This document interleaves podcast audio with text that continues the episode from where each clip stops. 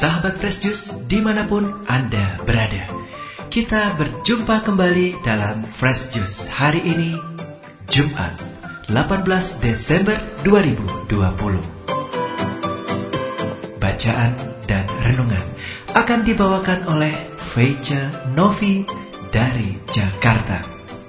Selamat mendengarkan.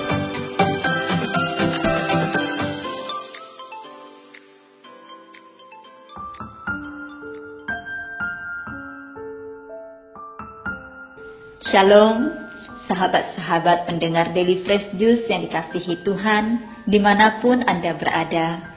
Kita berjumpa lagi pada hari ini, Jumat tanggal 18 Desember 2020. Bersama saya, Faith Novi, di tempat kediaman saya di Kelapa Gading, Jakarta Utara.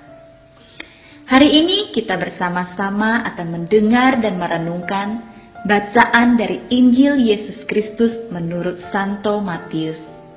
Bab 1 ayat 18 sampai 24. Mari kita dengarkan bersama-sama. Kelahiran Yesus Kristus adalah sebagai berikut. Pada waktu Maria, ibunya, bertunangan dengan Yusuf, ternyata ia mengandung dari Roh Kudus sebelum mereka hidup sebagai suami istri. Karena Yusuf suaminya seorang yang tulus hati dan tidak mau mencemarkan nama istrinya di muka umum, ia bermaksud menceraikannya dengan diam-diam. Tetapi ketika ia mempertimbangkan maksud itu, malaikat Tuhan nampak kepadanya dalam mimpi dan berkata, Yusuf anak Daud, janganlah engkau takut mengambil Maria sebagai istrimu, sebab anak yang di dalam kandungannya adalah dari Roh Kudus. Ia akan melahirkan anak laki-laki, dan engkau akan menamakan dia Yesus, karena dialah yang akan menyelamatkan umatnya dari dosa mereka. Hal itu terjadi supaya genaplah yang difirmankan Tuhan oleh Nabi. Sesungguhnya anak darah itu akan mengandung dan melahirkan seorang anak laki-laki. Dan mereka akan menamakan dia Immanuel. Yang berarti Allah menyertai kita. Sesudah bangun dari tidurnya, Yusuf berbuat seperti yang diperintahkan malaikat Tuhan itu kepadanya. Ia mengambil Maria sebagai istrinya. Demikianlah Injil Tuhan. Terpujilah Kristus.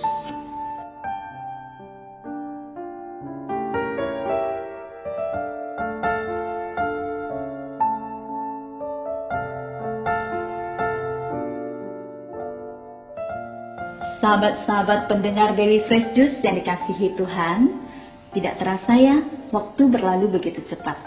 Tahu-tahu kita sudah berada di penghujung tahun 2020. Dan saat ini kita sedang mempersiapkan diri untuk menyambut hari Natal yang selalu kita nantikan dan kita rindukan setiap tahunnya. Kita akan merayakan hari kelahiran Yesus Kristus, Juru Selamat kita. Sebagai seorang ibu, saya selalu senang mengingat hari kelahiran anak-anak saya. Dan setiap tahun, hari ulang tahun mereka selalu kami rayakan dengan sukacita. Tahun ini meskipun karena pandemi, tapi saya tetap bersyukur karena bisa merayakan ulang tahun kedua anak kami secara sederhana di rumah dengan membuat kue-kue hasil karya saya sendiri. Saya percaya bahwa setiap orang tua pasti bangga dan bahagia setiap merayakan ulang tahun anak-anaknya. Mengapa? Karena hari ulang tahun anak-anak adalah bukti dari mujizat dan keajaiban dari Tuhan yang pernah terjadi dalam kehidupan para orang tua.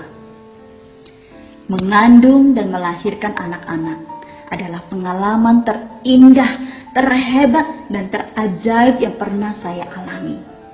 Apalagi kehadiran anak-anak sudah menjadi harapan, impian, dan kerinduan saya dan suami sejak awal pernikahan kami. Kehadiran anak-anak kami adalah bagian dari terwujudnya harapan dan kerinduan saya dan suami. Dan saya yakin semua pasangan suami istri juga pasti pernah mempunyai kerinduan yang sama dengan kami.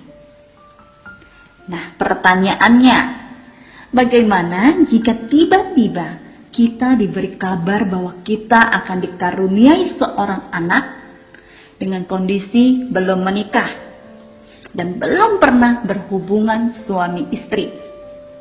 Kaget apa kaget? Pasti kaget kan?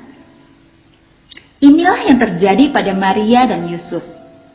Kita tahu bahwa Maria merupakan tokoh paling istimewa dalam setiap Injil yang kita baca. Maria menerima kabar dari malaikat Gabriel dengan ketulusan dan kekudusan dirinya. Maria tidak menolak.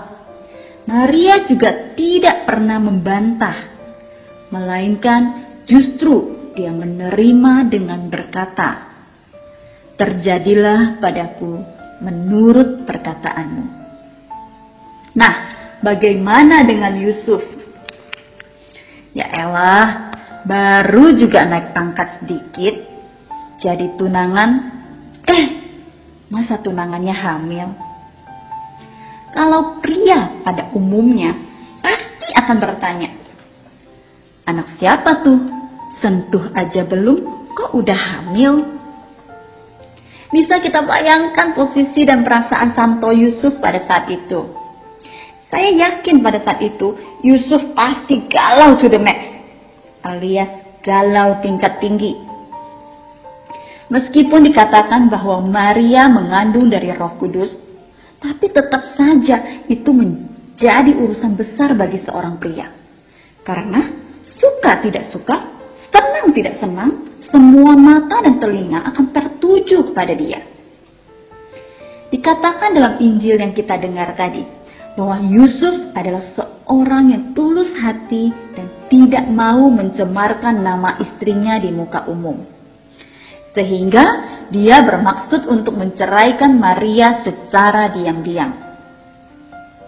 Tapi sebelum Santo Yusuf melakukan hal itu, malaikat Tuhan datang kepadanya melalui mimpinya.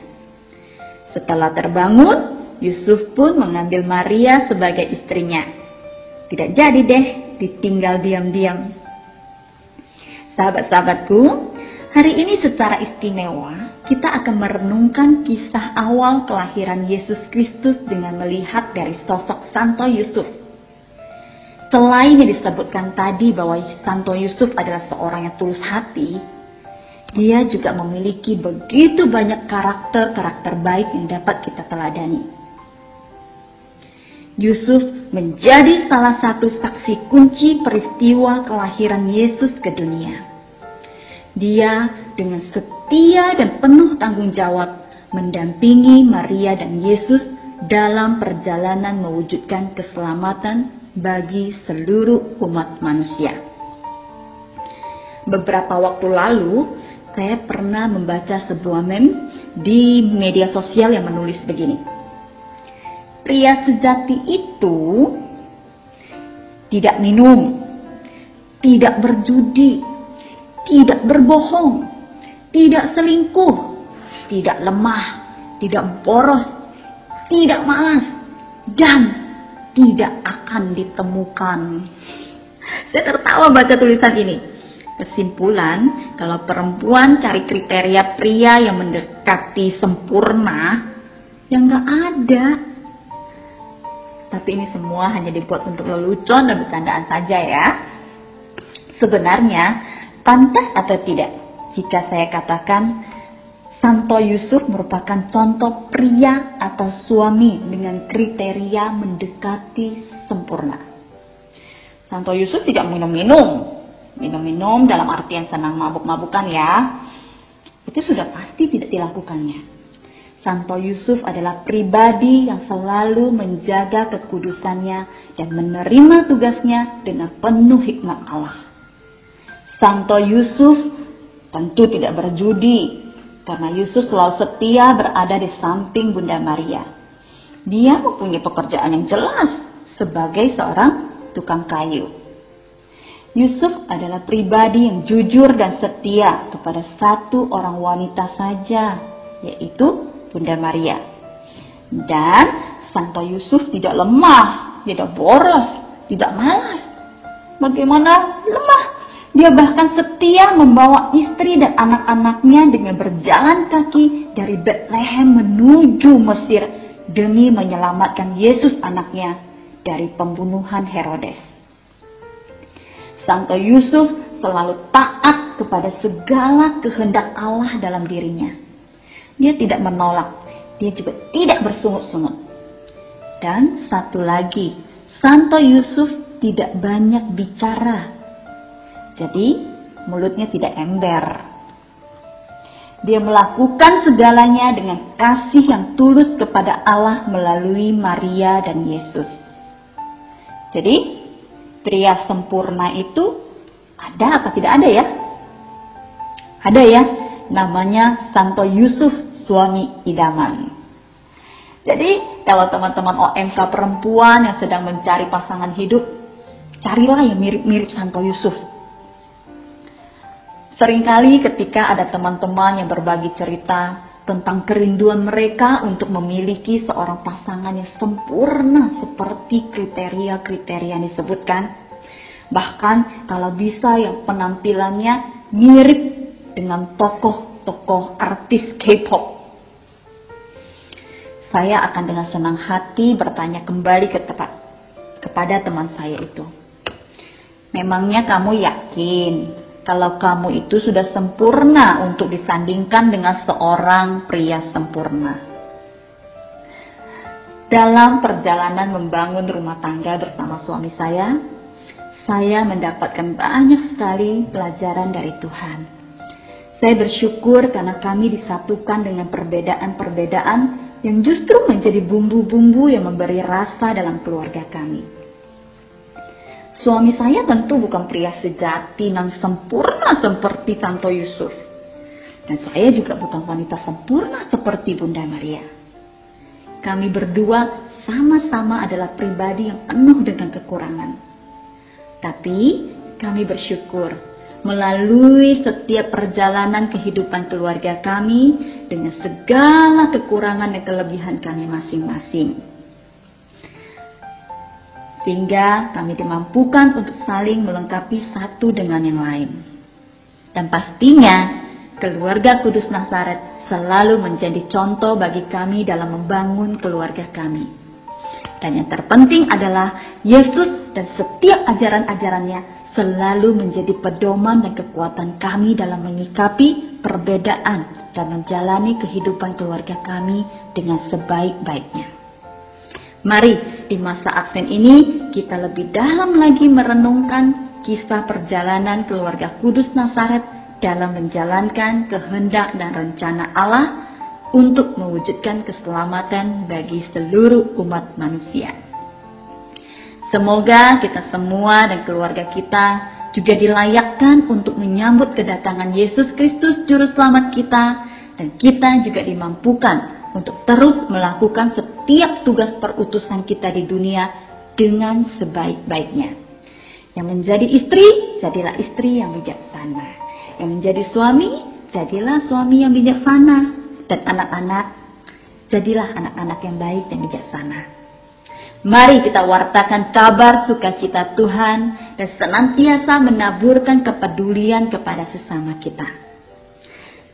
Selamat menyambut Hari Raya Natal Semoga damai sejahtera, sukacita, dan hikmat Tuhan senantiasa memenuhi seluruh kehidupan sahabat-sahabat Daily Fresh Juice.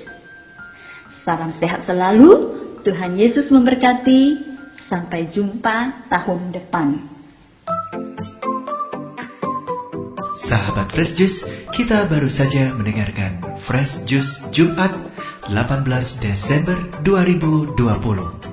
Segenap tim Fresh Juice mengucapkan terima kasih kepada Feice Novi untuk renungannya pada hari ini.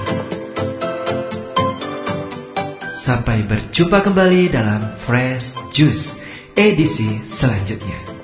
Tetap semangat, jaga kesehatan, dan salam Fresh Juice.